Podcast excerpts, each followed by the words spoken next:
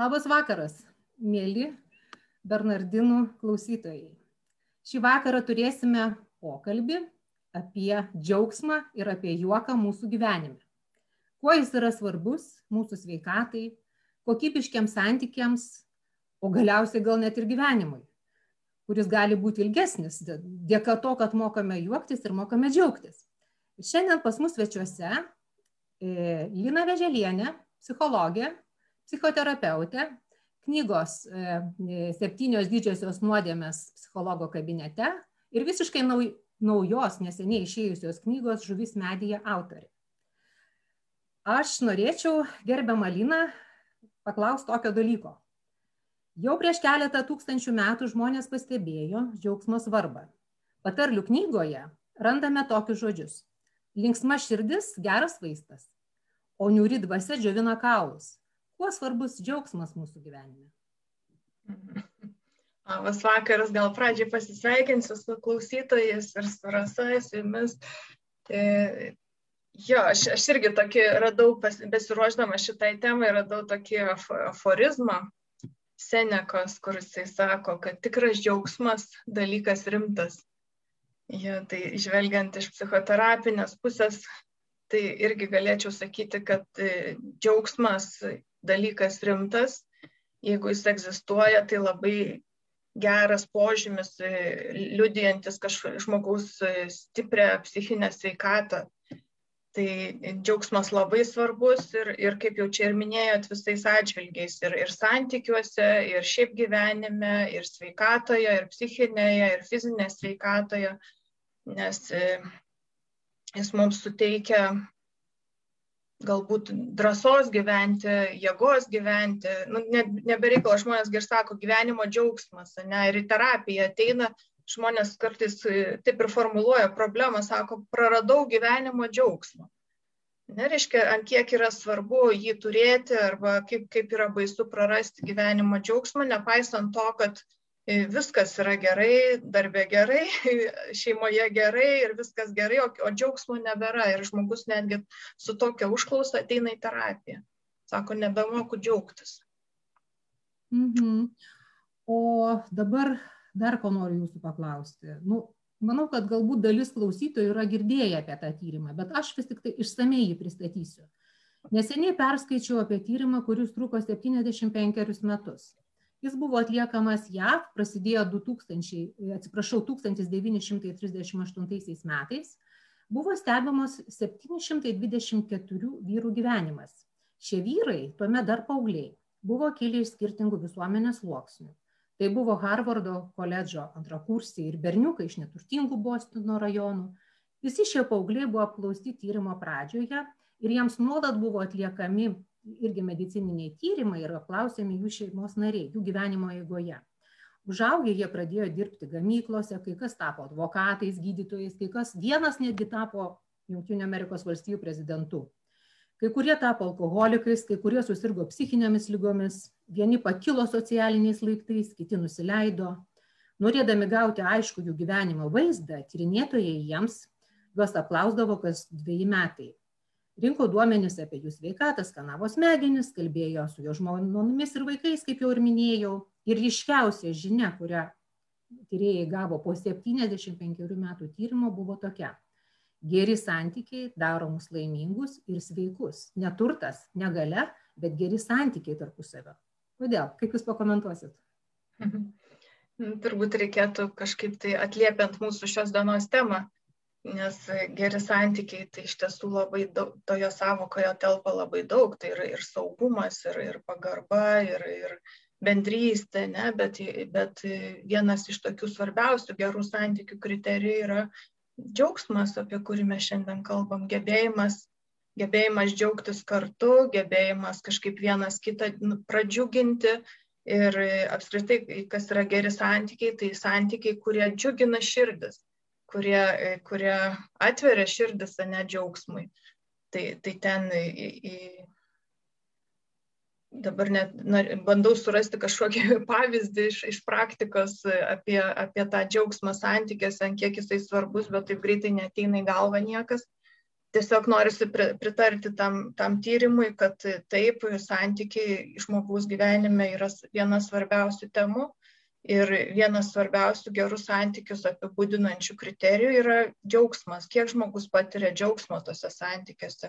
Ar jis jaučia džiaugsmą būdamas tame santykėje, būdamas su, su tuo žmogum, tarkim, ar toje, toje šeimoje, augindamas vaikus, ar jisai džiaugiasi. Tai, tai vienas iš svarbiausių kriterijų apie gerus santykius kalbant. Mhm, bet tada reikėtų suprasti, kad jeigu santykiai yra nenusisekę, tai tai gali tapti ir mūsų nesveikatos ir lygų. Tai be abejo, be abejo. Jeigu santykiuose ne, ne džiaugsmas, o vyrauja kažkoks niurumas, apatija, abejingumas, tai suprantama, kad santykiai, galima sakyti, nenusisekia arba kažkokioje krizėje esantis šiuo metu. Mhm. Ir matyti žmonėms vis dėlto reikėtų nu, galvoti apie tai, kad e, tai, ką mes turime savo šeimoje, savo aplinkinių rate, kad turėtumėm būti patys suinteresuoti, nu, galiausiai vardant savo geresnės nu, ir gyvenimo kokybės ir sveikatos, tiesiog nu, būti vieni kitiems tie, kurie nu, ir padedam vieni kitiems ir kurie suteikiame džiaugsmo daugiau, nu, šviesos galiausiai gyvenime. Ir tą mes turbūt labai matome karantino metu ar jūs kažkaip tai nes vis tiek jūs dirbate su žmonėmis su ta jų psichine sveikata jos problemomis. Ar galit kažką pasakyti kas šiuo metu karantino metu santykiai žmonių kinta? Nes labai daug ten to tokio buvimo kartu labai viskas koncentruotai. Kaip jūs pakomentuotumėte gal būtų sunku pakomentuoti, neturint kažkokio tai, nu, kuo remtis, ne tyrimo kažkokio, tiesiog aš galiu remtis tai, ką matau savo klientų rate arba savo artimųjų rate, tai iš tiesų karantino, karantino tas periodas visas jisai išryškina įvairiausius santykio kaip ir problemas, taip ir stiprybės kai kurios šeimos sutvirtėja, kai bendrystės daugiau atsiranda, kai kurios šeimos kaip tik nutolsta vienas nuo kito, nes jie priversti būti kartu ir jiems nu, kažkaip tai labai tada pradeda jaustis tas jų svetimumas ar liūdnumas būti kartu.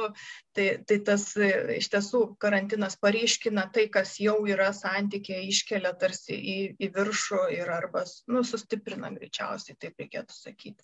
Mhm. O tai jūs gal galėtumėt kažkokį tai duoti, nu, ir patarimą, tarkime, na, aišku, ką čia dabar keletų šimtų žmonių ar ten tūkstančių, kurie ten klausysis, tai ne visai Lietuvai, bet e, kiekvienas unikalus esame ir savitas, bet vis tik tai, ką reikėtų mums daryti, kad tuo karantino metu, kada mes čia sėdėm kartais, nu, ir uždaryti tarp tų keturių sienų ir keli žmonės, nu, aš ten klausausi savo aplinkoje galiausiai ko ten visko būna ir išsiskiria žmonės būna tiesiog jauni žmonės pavyzdžiui pasitikrina bet jūsų patarimas koks vis tik tai būtų ko reikėtų vengti o ką reikėtų skatinti gal e, pradžiai, nu šiaip bet kokiu atveju, kaip tinka ir karantino, nuvengti dramatizavimo, siūlyčiau, ir kažkokių labai globalių išvadų, nes tai, ką mes patiriam būdami karantinė ir izolacijai, tai nėra įprasta mums ir tai yra stresinė tokia krizinė situacija ir kaip santykiams, taip ir žmogaus psichikai.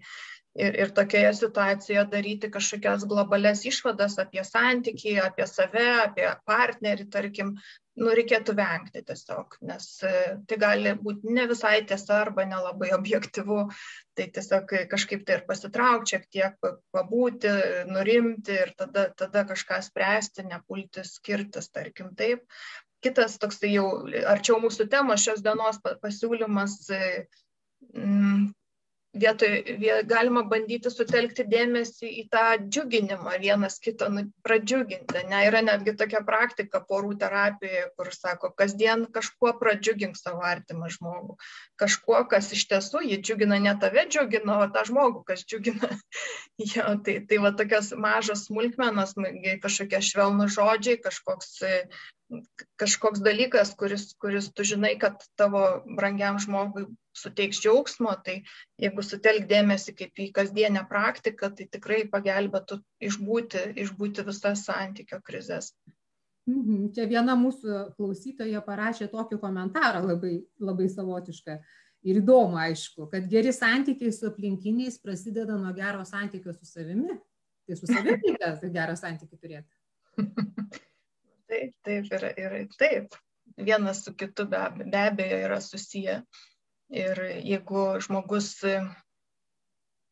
santykėje su savimi yra niurus, nusivylęs ir labai kritiškas savo atžvilgiu, jeigu jo paties nedžiugina, jo paties, tarkim, pasiekimai, jo veikla, netgi kartais kūnas, kaip jis atrodo, nedžiugina, nu nieks nedžiugina, ne? nei, nei drabužis, nei, nei, nei, nei kažkas, ką jisai gali, ką jisai turi. Tai tada santykėje tas, aišku, savaime irgi atsispindi, santykėje su kitais irgi atsispindi, atsispindi tas niurumas, kritiškumas, nevertinimas ir, ir aišku, kad nedžiaugsmas. Tai taip, ir ką tada tokiam žmogui daryti? ką daryti? Tada pamilti. ja. Galima tą patį daryti, nustoti, nustoti kritikuoti ir, ir matyti save tokiu niūriai vertinančiu žvilgsniu ir, ir pabandyti ieškoti tų džiaugsmo akimirkų, kas klausti savęs, o kas mane šiandien galėtų pradžiuginti, mane, kas galėtų pradžiuginti, kuo aš save galėčiau pradžiuginti, gal taip reikia formuluoti, kokia tai smulkmena ar kokiu tai tiesiog padėkojimu pačiam savo už kažkokius nuveiktus darbus ar, ar netgi paguodimu, atjautą savo už kažkokią padarytą klaidą, tai irgi gali džiuginti. Tai, mm. tai... Ir gal kažkokios tokios nu, mažos smulkmenėlės, daryti tai, kas mums patinka, pavyzdžiui. Nu. Mažos smulkmenėlės, taip kaip ir artimam žmogui mes galim suorganizuoti kažkokią mažą, džiuginančią smulkmenėlę, taip ir pačiam savo irgi tą galim padaryti. Gerai, Lina, dabar eisim prie juoko. Umberto Eko romane Rožės vardas teigia, kad juokas tai yra kelias į laisvę. Matyt, todėl jis dažnai tampa ginklu prieš buką prievartą, prieš sustabarėjimą, prieš tuštybę, prieš veidmainystę. Sovietmečio absurdą padėdavo pakelti anegdotai, komedijos, satyros, karaliai ir valdovai turėdavo juokdarius, kurie drįzdavo iš jų šaipytis, viešai žerdami akis tiesą. Ir karaliai tą pakeldavo, taip sakant. Galiausiai sugebėjo pasijuokti patys iš savęs, išsilaisvinami iš įtampų nerimo ir susireikšminimo. O kuo svarbus toks gebėjimas? Ar jisai padeda žmogui tapti sveikesniu? Kaip to išmokti? Gal čia kaip raumenis reikalavinti? nežinau, iš tiesų jau ne, ne pirmą kartą man užduoda tokį klausimą, kaip lavinti humoro jausmą, aš sulaukiu ir savo, savo pat, m, tose socialiniuose tinkluose tokių klausimų, kaip lavinti humoro jausmą. Nu, širdžiai galiu pasakyti, nežinau, nežinau kaip jį lavinti.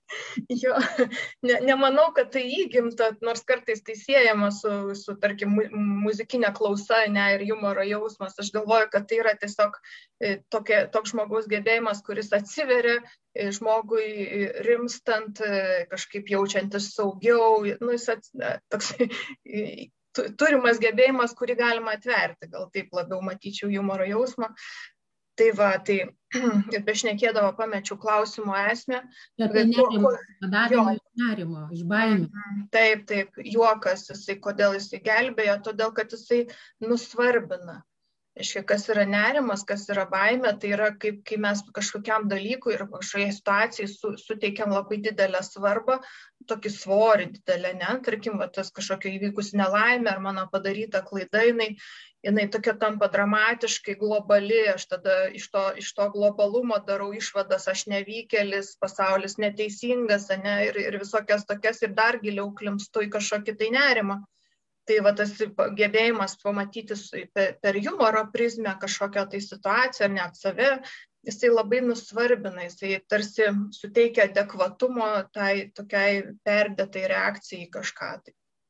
Mhm. O man dar taip atrodo vėlgi, kada, nu, vis tiek, kiek, kiek stebi kartais tas pasišaipim, pasišaipimas iš tironų, jis irgi tampa tokiais, nu, išlaisvinančia tokia jėga, bet pačius tironus tai tas labai siutina.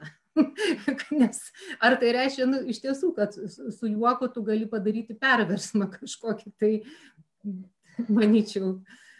Tai va, ir, ir tai greičiausiai padeda tapti žmogui sveikesniu ar visuomeniai sveikesnė. Žinote, čia yra dvi, dvi tos humoro pusės, ne? mes kažkada turbūt esame apie tai jau kalbėję, kad yra tas humoras, kuris žaidžia, mhm. ir, ir humoras, kuris išlaisvina, pakelia, supaprastina viską. Turbūt tie, kur minėti jogdariai prie karalių, jie, jie labiau propagavo tą antrąją, antrąjį, tą baltąjį vadinamą humorą, kur iš tiesų leisdavo nu, su paprasčiau žiūrėti, nenusileisti ant žemės, ne, ne taip susireikšminti. Ir, bet, bet yra ta kita humoro pusė, kur, kur ne, visada, jinai, ne visada turi tą teigiamą poveikį, dažnai būna ir lygiai priešingai, kad tokiu besi, besišaipant, bejokaujant, kaip žmogus, aš tik jokauju, kartais žmogus sako, ne, bet tas, iš kurio jisai jokauja, kuriam nukreiptas, tai jisai, jisai gniuždosi jam, jam visai nejuokinga yra. Tai, tai sakyt, kad humoras bet kokiu atveju jisai suteikia daugiau sveikatos ir mažina nerimą ar įtampą kažkokią, tai nu, galbūt klausimas, koks humoras. Mhm.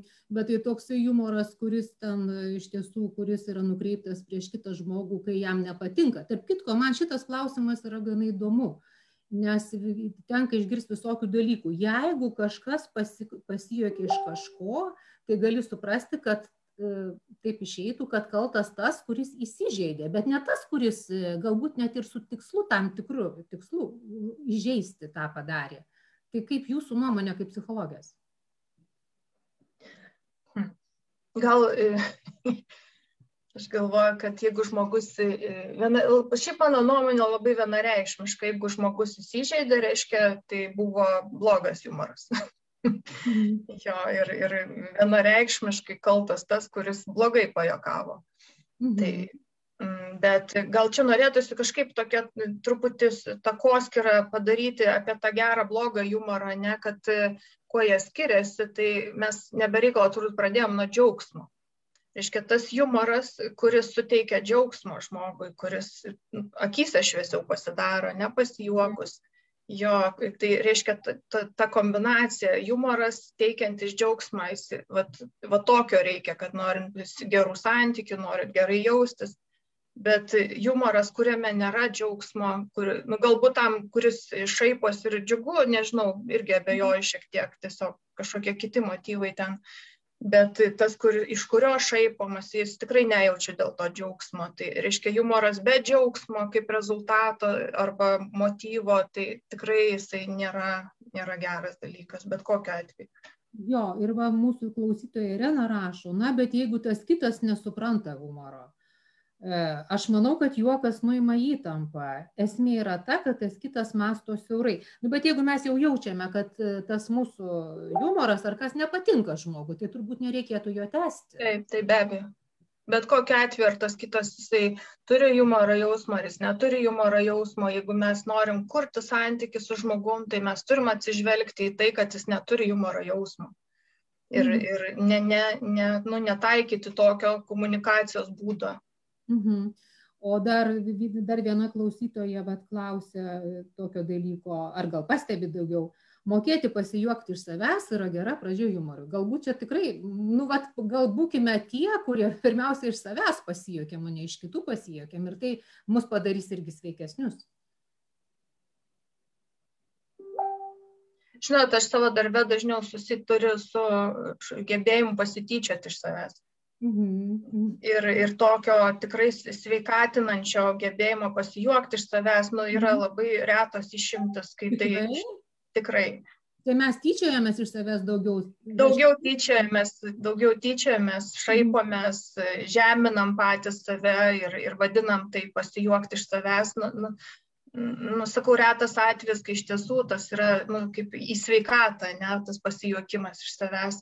Pamatyti kažkokią tai linksmąją pusę situacijose arba linksmąją, džiaugsmingąją pusę, ne savo, nu, tarkim, nugriuvimo kažkokio, nu, jo tai taip žinoma bet žmonės truputį persistengia su tuo pasijuokti iš savęs ir, ir tas truputį kartais, nu, tokias turi visiškai psichologinio smurto atspalvius. Tai, tai geriau, geriau sakyčiau, nedarykit to, jeigu jūs nemokat šviesiai to daryti. A, matai, čia man tai irgi tokia naujiena. Aha, tai dabar vat klausimas va toksai būtų kad pastebėta kad tas kuris mėgsta pasijuokti iš kitų jaučiasi nelaimingas kai juokiasi iš jo paties. Ar ne? Vat vat dažnai turbūt savo aplinkoj tokių matom. Ir dažnam juokas tampa sarkazmu, ironija, patyčiomis iš silpnesnio žmogaus, kuris nemoka apsiginti, nes, nu, tugi nepulsi ant to, kuris tau droš tris kartus smarkiau. Ir ką tai atskleidžia apie patį besišaipantį žmogų, kuo tai jam kenkia. Nežinau, ko kenkia, čia jau reikėtų asmeniškai žiūrėti, ko jam kenkia, bet ką, ką reiškia, dažniausiai tai reiškia, kad žmogus nesijaučia gerai, pats nesijaučia gerai, jisai jaučiasi arba menkesnės savivertės ir jam tokiu būdu ją reikia kažkaip tai kompensuoti, arba jisai kažko pavydė, arba, nu, va, reiškia, kažkuo tas, tas jo šaipimasis, ar patyčios, ar sarkazmas remiasi į kažką tai tokio liūdno, mm. liūdno kažko remiasi, tikrai nei džiaugsmo. O tai, tai, tai būtent nėra čia kaip dabar, nu, kiek man yra tekę girdėti, ta tokia kaip ir mūsų šešėlinė pusė, reiškia, tarkime, ką tu matai savyje, tokio, nu, kas tau nepatinka, ir būtent tu tą projektuoji į kitą. Tas labiausiai tau kliūva ir krinta į akis. Ir tada, nu, vat... Yra tokia teorija ir dažniausiai pasitvirtina, kad tai, ką mes savyje turime, mes atpažįstame ir kitose. Tai, tai nusakau, kad žmogaus, tas žmogus, kuris šaiposi ar, ar naudoja sarkazmą, ironiją, tai savyje jis matyt turi kažkokių tokių irgi savybių, iš kurių, nu, jeigu atsisuktų į save, turbūt su savimi irgi taip elgtųsi. Mhm. O čia mūsų klausytoja Birutė klausia, va, nu nežinau kaip seksis, pateikite prašau pavyzdžių iš savęs pasišaipimo ir pajokavimo iš savęs paties, ar tik tai griūvantas būna, ar dar ten, ar jūsų praktikoje kažko, kaž, kažko yra buvę, nu, esate girdėjusi, kada iš savęs galim pasišaipyti, pasijuokti, nu taip sveikai. Dabar ne, ne, neturiu tokių greitų pavyzdžių, tiesiog e, sveikai reikėtų žiūrėti pagal rezultatą, ne? pagal rezultatą, kaip aš, jeigu iš tiesų aš pasijokiu ir man palengvėja ir, ir man kažkaip tai nueina tas toksai blogumas e, dėl situacijos ar kažkokio savo poelgio, tai tada taip, tada yra sveikai. Bet, bet jeigu aš pasityčioju iš savęs ir, ir visi pasijokia, bet man pačiam nelabai jokinga, tai tada yra blogai.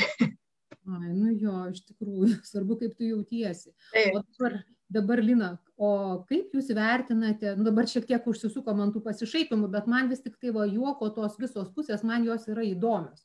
Kaip mhm. jūs vertinat pasišaipimą iš politikų? Ar ne? Tai pas mus yra taip jau įprasta galvoti, kad jeigu politikas, aš turiu minti demokratinę visuomenę, nes mes šiek tiek kalbėjome apie tai, kas vyksta totalitarinėse ar kur, kad tai mhm. visai naudinga, nes tas juokas pačią visuomenę daro sveikesnė. Tai va dabar demokratiniai visuomeniai, kur mes visi galim kalbėti, ką norim taip toliau. Nuolat sakom, kad žmogus ant bačkos, jis turi turėti užsiauginęs ten tą storą odą ir viskas jam čia gerai, atsparė digiai kritikai ir viską turi sprimti. Bet vis dėlto, ką tas žmogus jaučia, iš kurio šaiposi, nu kuris politikas, tarkim matomas?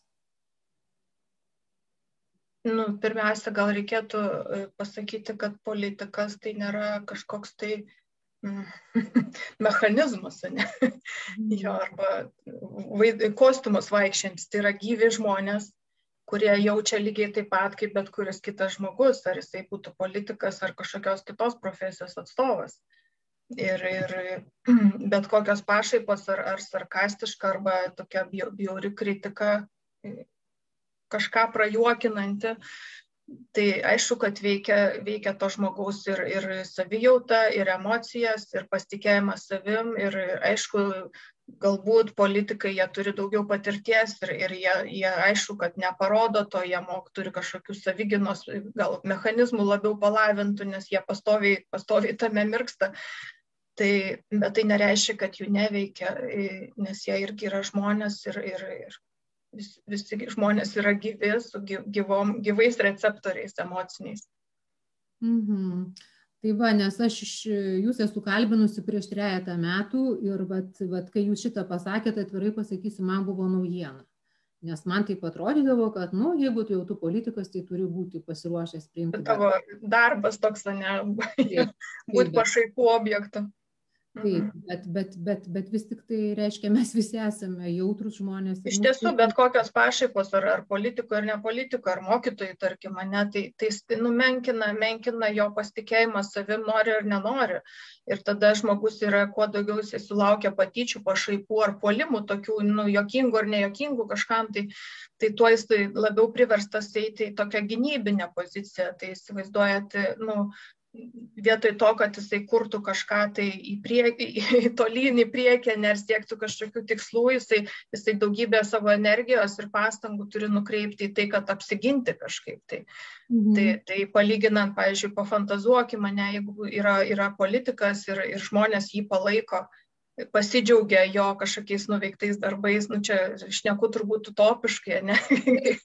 jo, bet kokius, kokius pasiekimus mes galim tikėtis iš, iš tų politikų, kurie yra palaikomi ir už kuriuos džiaugiamasi. Ir, ir iš tų, iš kurių šaipomasi, netyčiojamasi ir kritikuojami nuolatos, ta prasme, ko, ko galima būtų tikėtis iš vieno ir iš kito. Mhm. Bet man taip atrodo, kad ir mes patys, kada, nu, kaip mes patys jaučiamės, kada mes pagiriame žmogų, ar ne, už, nu, jeigu jisai suklydo, irgi jo nemurdome, į purvo pagiriam ir, nu, iš tikrai iš pačių geriausių intencijų, kad, vat, nežinau kaip kitiems, bet man tai asmeniškai būna, na, nu, nu, man būna kažkaip šviesu. Mhm Taip, taip. Kad galvoju, nu, aš pali, ir palinkiu jam, kad tegul tau sekasi, išrinko vat valdžią, ar ne? Taip. Tegul jums sekasi, tegul taip. viskas jums eina šviesiai. Ir čia tas toks nematomas tuo pačiu kaip ir nu, postumis jiems. Taip, visiškai. Nekniždyti. Iš tikrųjų. Dabar noriu paklausti tokio dar jūsų dalyko. O kaip jūs vertinate žmogų, kuris čia vėlgi, čia bus paskui dar klausimas vieno klausytojo, jis ten klaus jūs apie jūsų knygą, tas nuodėmės, bet čia viena iš tų nuodėmių, kur aš atsimenu jūsų knygoje septynios didžiosios nuodėmės psichologo kabinete, tokį, kuris yra labai rustus, labai rimtas, labai vis, visur jis rimtai, rimtai žiūri, nu žodžiu, ten viską labai rimtai traktuoja ar čionais yra tas pat negebėjimas tam tikra, galima sakyti, negalia, tam tikros rūšies net, net ir negalia. Ir, nu, aš nežinau, ar čia jau jis jau ir bus visą gyvenimą toks, ar, ar jis gali nuo to pagyti. Ką, ką, jam, ką jam daryti? Mm. Čia priklauso nuo to, kaip jis jaučiasi. Jeigu žmogus, būdamas toks visada rimtas ir rūstus, jisai dėl to jaučiasi gerai, būna ir taip, kad viskas gerai, sako, nu, jisai taip gyvena tiesiog, toks yra. Tai, tai ir gerai tada, bet jeigu žmogus jaučiasi nelaimingas ir, ir kaip mes pradžiai kalbėjom, kad pasigenda to gyvenimo džiaugsmo, lengvumo, spontaniškumo, galų gale gyvenimo spalvų, nebe, nebelieka jo išskyrus ten tamsius tonus, ne? Mm. tai, tai tada, tada galima būtų kažką, kažko imtis ir, ir žiūrėti į tai kaip į kažkokią tai emocinę krizę, kurioje pritrūko šviesių spalvų tiesiog. Tai, mhm. tai priklausomai nuo to, kaip pats žmogus vertina savo situaciją. Mhm. Supratau, va čia dar turiu klausimą.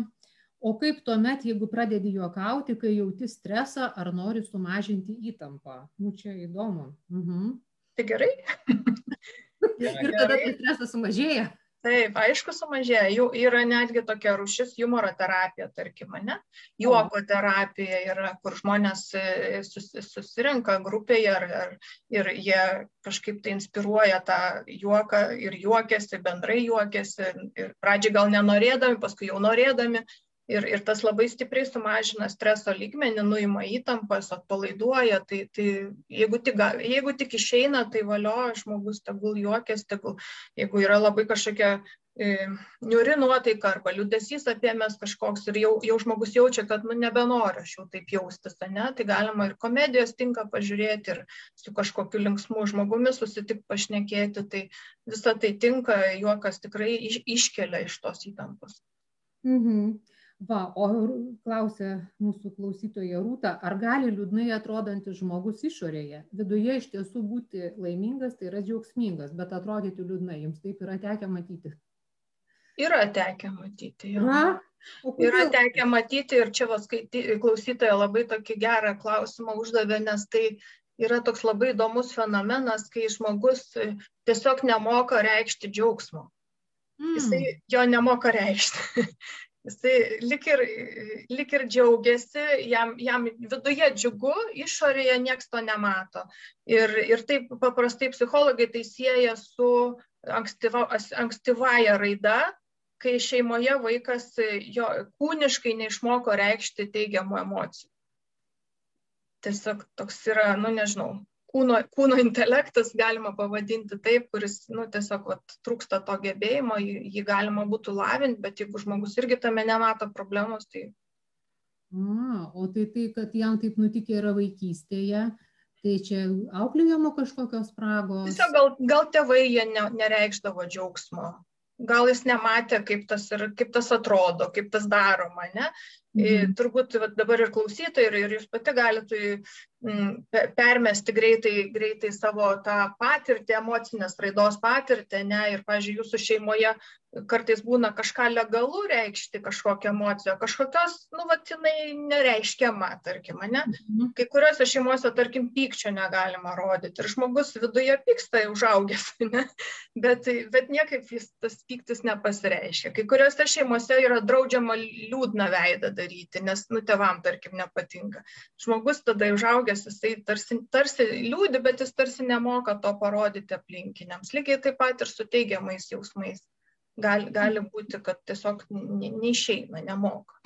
Mhm. Nes man dabar tokia mintis atėjo į galvą, o pavyzdžiui, gal gali būti ir taip, kad žmogus gal net ir gali bijoti pasidžiaugti taip akivaizdžiai, o gal kažkas atsitiks blogo, jeigu tu čia dabar pradėsi džiaugtis. Nu, čia, čia, jo, čia yra dar viena priežastis, ne truputį jau būtų ne į tą klausimą, bet jo, yra ir toks fenomenas, kai žmogus negali, nu, tarsi draudžiama džiaugtis, draudžiama rodyti iš džiaugsmo, nes kaip ten lietuvių liaudės patarlinė tokia yra turbūt, ne, kad ne, nesidžiaug rytoj, šiandien rytoj verksti, nu kažkas tokio. Jo, kažkokiu tokiu. Jo, jo, jo, jo. tai, tai tokiu, tokios tai, liaudės išminties mes turim nemažai savo, savo tautosakoje, kur tas džiaugsmas yra toks biški tabu padaromas, ne? Tarsi, tarsi atsargiai čia reikia, atsargiai džiaugtis. Mhm, jo, manyčiau, tas eina pas mus iš tokių mhm. ištakų. Dabar gintarė teiraujasi, ką patartumėte žmogui, kuris jaučiasi vienišas, nors nėra vienas? Ar geriau kalbėti su artimu, kuris nemoka klausyti, ar vertingiau ieškoti svetimų ausų, kuo išsikalbėjimas yra vertingas? Mhm. Jo, šitas klausimas gal, gal mažai susijęs su mūsų tema, bet vis tiek gal atsakysiu, jeigu jau jisai atėjo.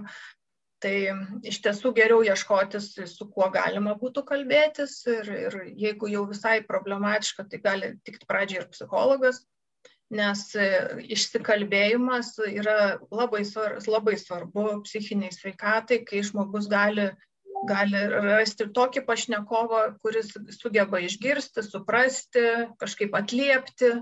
Tada e, tai yra svarbu, nes žmogus bekalbant, jisai šiek tiek susidėlioja savo mintis, šiek tiek susi, geriau gaudosi savo jausmuose. Jisai tarsi atsiranda, aš esu, ne, aš esu, mane kažkas išgirdo, mane kažkas pamatė ir, ir tas labai sustiprina tokio saugumo jausmo ir tos vienatės sumažina. Tai labai svarbu yra kokybiški, lygiavertiški dialogai, kai žmonės vienas kitą girdi ir supranta. Mhm. E, žinot, Lina, čia matyti taip jau yra, kadangi žmonės naudojasi progą, jūs esate psichoterapeutė, psichologė, ir tų klausimų gal nebus vien iš to, iš to apie tą džiaugsmą ir juoką, bet bus ir šiaip, kas žmonėm aktualu yra, tai jau jie ir naudojasi.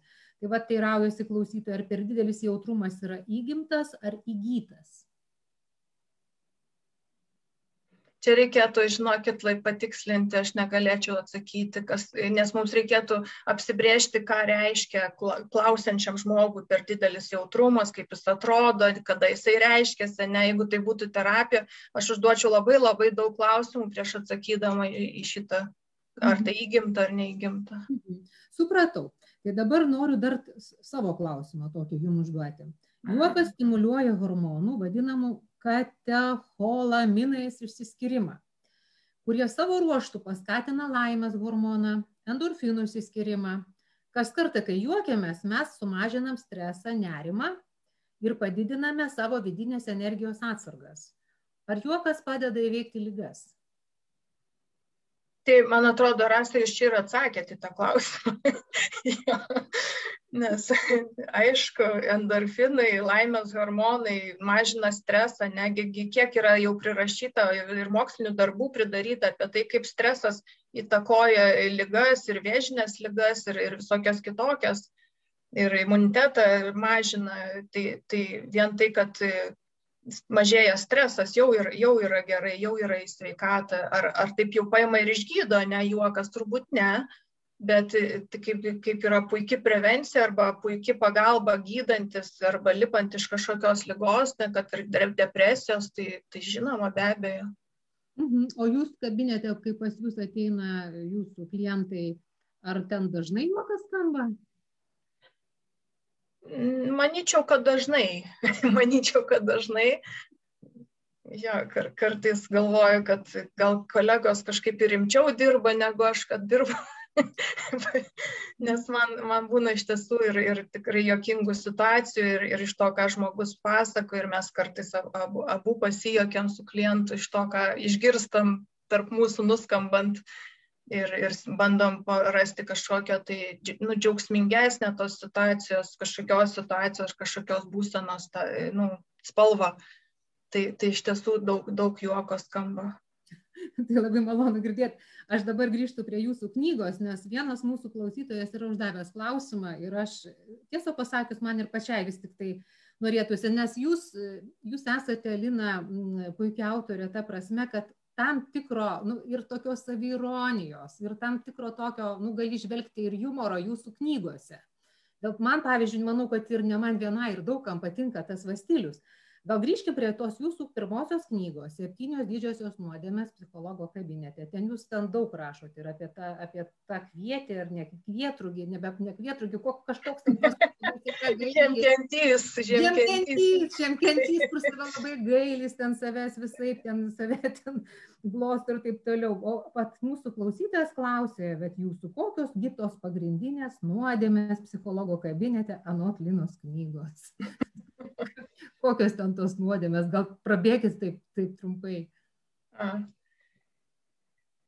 Pagrindinės, ne, aš gal po septynios yra, tai visų nevardinsiu, turbūt jau čia labai lengva jas susirasti, kam įdomus tos visos septynės, bet pagrindinės psichologo kabinete tai būtų puikybė ir niurumas galbūt mhm. šitos dvi, tai, tai tas ne, negebėjimas, vat, ką mes šiandien ir šnekam, negebėjimas pasidžiaugti, negebėjimas pamatyti šviesiau kažkaip tai savo save ar savo situaciją, tai, tai yra susijęs su psichologiniais sunkumais, savaime suprantama, bet tai, bet tai ir yra, ir, ir yra arti nuodėmės niurumo, ne? kai, kai ne tik žmogus, kad negali kažką pamatyti džiaugsmingiau, šviesiau, tarkim, serga depresija ar kažkokį labai turi kitą problemą, bet jis ir nenori. Tai va čia jau prasideda nuodėmės laukas, ne, kai žmogus nenori kažkaip pasidžiaugti, nenori matyti šviesiau, nes, nes kažkodėl nenori.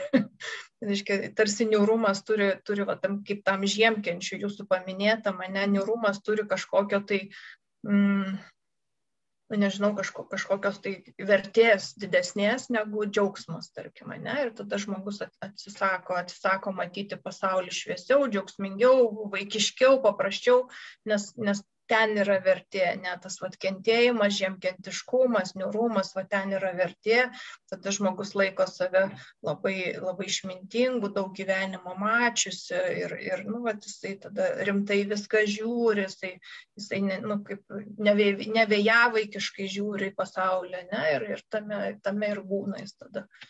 Tai va, tai niurumas, o puikybė. Gal puikybė jau čia mažiau džiaugsmo apie tai, bet, mm bet viena didžiausių iš tiesų mūsų tų kliūčių į, į psichinę gerovę, nes, nes mhm. puikybė, jinai paprastai viską labai išpučia, labai susvarbina arba labai sumenkina atvirkščiai ir, ir tada mes prarandam tokį adekvatų savęs savęs matymą, ne kas aš, kur mano ribos, ką aš galiu, ko aš negaliu. Tada prasideda tokie perdėti reikalavimai savo, paskui labai dideli nusivylimai savimi, paskui labai dideli reikalavimai kitam žmogui, va jeigu grįžtant prie santykių, nes, nes tas kitas žmogus turi būti labai tobulas, ne, nes šalia manęs tokio tobulojo.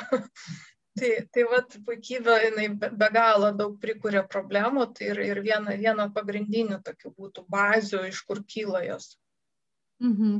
Aš dabar, vat, jūsų klausydamas ir galvoju apie tą puikybę, kas jos priešingybė yra nuolankumas.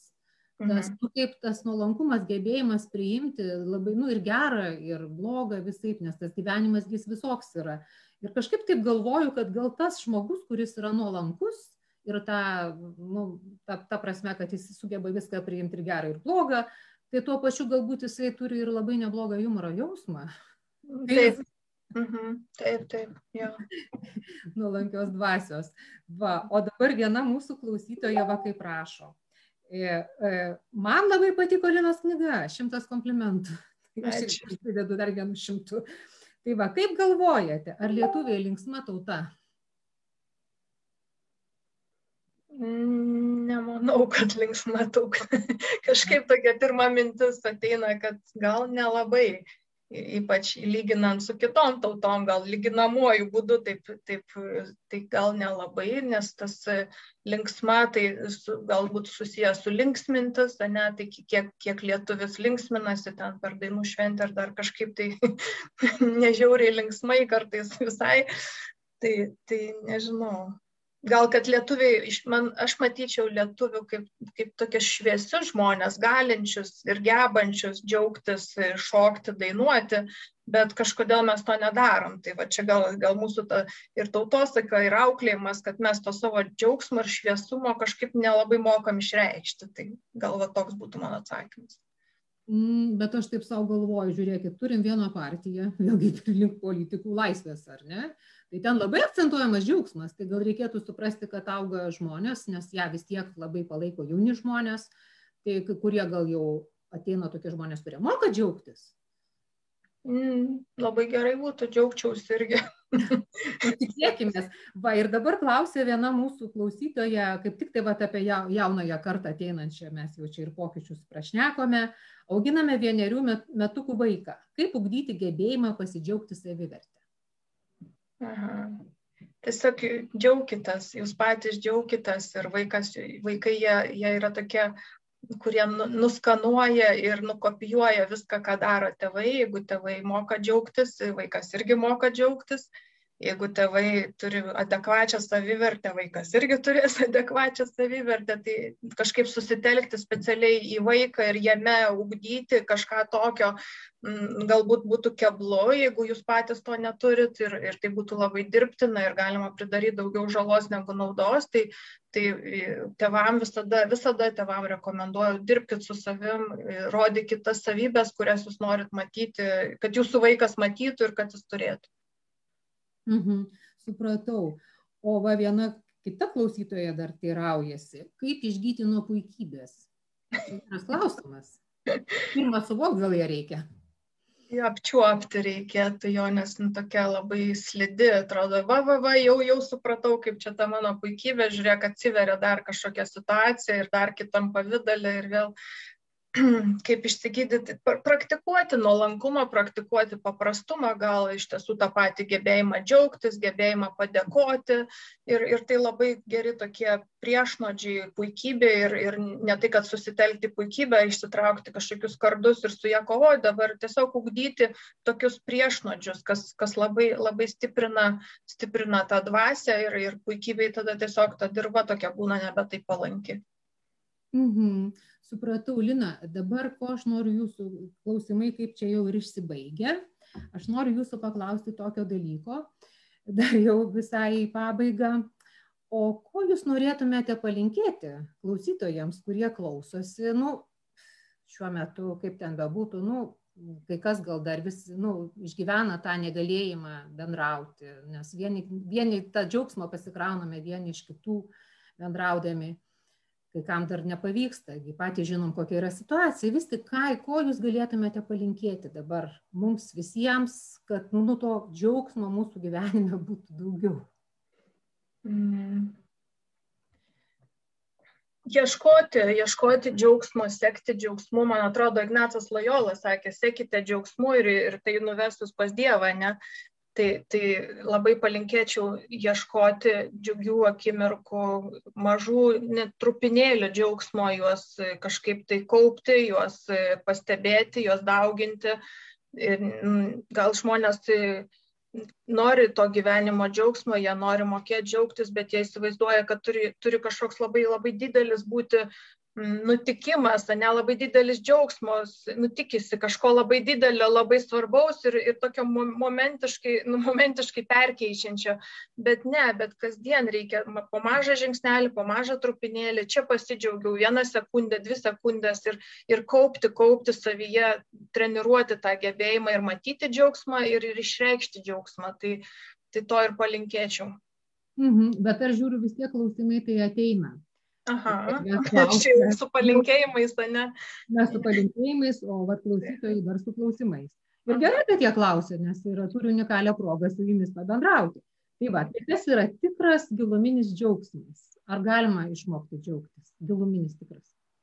Leisti savo džiaugtis reikia, jo galima išmokti, leisti savo džiaugtis. Vat aš gal grįšiu vėl nu, prie to savo palinkėjimo, ne, kad trupinėlis po trupinėlio, truputėlį net fiziologiškai jausmas labai, labai gerai jaučiasi, jeigu jums yra kažkada tekę patirti džiaugsmo akimirkų, jūs, jūs galite prisiminti, kaip jūsų kūnas reagavo, kaip, kaip ta širdis tiesiog iš, išsiplečia, atrodo, ne, kaip priplūsta kažkokio gyvybės, priplūsta jėgos, kūnas priplūsta, akis spindi tai tas toksai pamatinis giluminis džiaugsmas jis apima apimantis visą kūną. Jis yra toksai kai jau galima sakyti išgyvenimas ane aš išgyvenu džiaugsmą. Ir iš tiesų galima su, su, susitelkus dėmesį į tą norą savo ne tai tai dažniau išgyventi. Galbūt naivu būtų tikėtis kad aš nuolat nuo ryto iki vakaro tame gyvenčiau tokioj būsenoj ne tai taip ne, nu, būtų išvargintų labai psichika tas bet norėti ir siekti ir po truputėlį, galima sakyti, treniruoti ne, tą gebėjimą jausti, tai, tai žinoma galima. Mhm. Va, ir dar vieną klausimą matau, ir tikrai negaliu nepaklausti, žmogui matyti svarbu, kaip pastatyti savivertę. Mhm. Čia labai, labai platus klausimas. labai platus klausimas. Labai, labai aktualus klausimas, nes menkos savivertės yra, nu, tokios jau kaip vos ne virusas, virusas, nežinau, ar Lietuvoje, ar, ar čia ir plačiau, bet Lietuvoje tai tikrai menkos savivertės virusas. Ir pradžią gal, gal ne, ne, nesiplėsiu kaip, ne, nes pradžią reikia žinoti, kur jinai dingo, kad, kur jinai sumenko, mhm. arba kas prisidėjo prie to. Vis tiek, vis tiek siūlyčiau įsivertinti tą, kaip yra dabar, kaip aš jaučiuosi dabar ir, ir kam man reikia tos nu, savivertės stipresnės, tarkim, ir tada eiti atgal ir žiūrėti, kurioje vietoje aš ją pamečiau, ne, kaip tai seniai vyko, ar tai buvo procesas, ar tai buvo kažkokie konkretūs įvykiai, galbūt tai iš tiesų, va, kaip mes šiandien kalbėjome, kažkokios patyčios patirtos, ar kažkoks nuvertinimas, nu, va, kažkas tokio, nes savivertės sumenkėjimo priežasčių yra be galo daug ir nuo to priklauso, kaip ją atsistatyti, nes, nu, ką, skirtingi, skirtingi būdai ir, ir tos savivertės atstatymo tada būtų. Tai tik mhm. tiek galėčiau. Ir tą menką savivertę reikia įsivaizduoti, tai gyvenimo džiaugsmą pamažina. Be abejo, pamažina, tai jeigu, jeigu aš jau savęs nevertinu, tai kaip aš galiu pasidžiaugti savo pasiekimais ar savo, nežinau, netgi išvaizdą ar, ar savo santykiais, ne, jeigu aš savęs nevertinu arba vertinu labai menkai, tai tada sudėtinga. Mhm, o čia, o čia žiūrėkit, klausimas labai įdomus yra apie, apie jums gal tiesiog jau, jau nukreiptas. Įdomu, kaip psichologai dirbdami su žmonėmis, kuriems reikia, jau dabar tai jau turbūt paskutinį klausimą užduosiu. Kuriems, čia bet jau jums, kuriems reikia pagalbos, patys nepraranda džiaugsmo, o kur pasisėmėte energijos, Lina? Čia jau geras apie psichologo darbo ekologiją.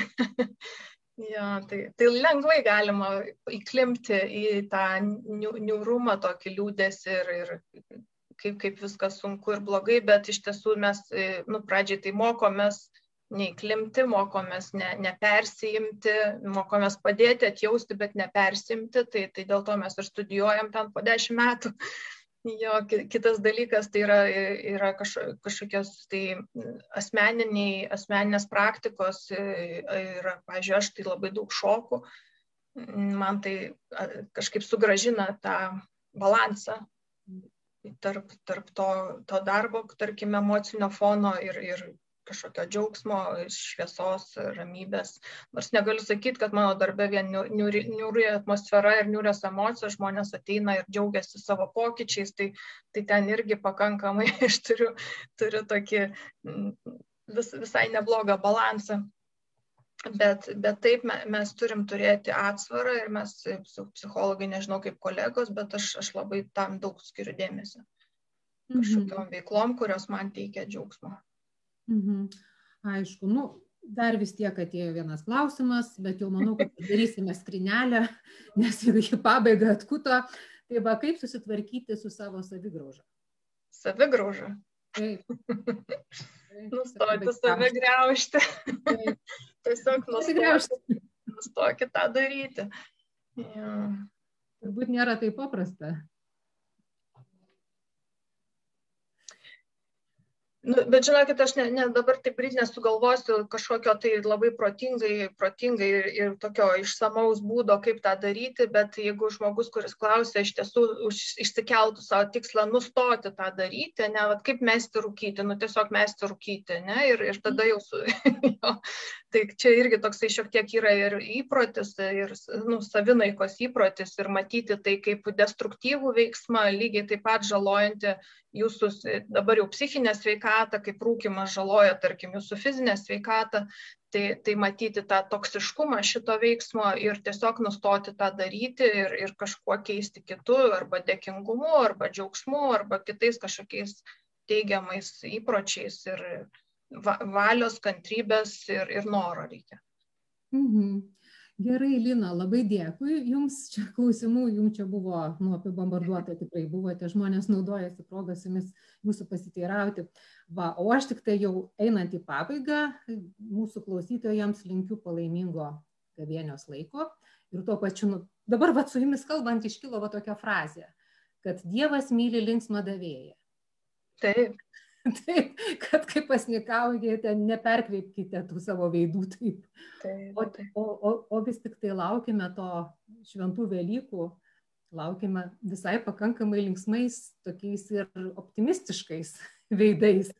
Taip, taigi prisikelimo džiaugsmas pavasaris, džiaugsmas gyvene Velykos yra džiaugsmas iš tiesų, tai mūsų labai tema, tema į temą labai. Ja tikrai tema. Tai va su tokia optimistinė gaida baigiu mūsų pokalbį. Labai dėkoju Jums, Lina, dėkoju visiems mūsų klausytojams, kurių nematau, matau tik šviesų Linos veidą, bet visiems linkiu palaimingo laiko ir atsisveikinu tada. Dėkui.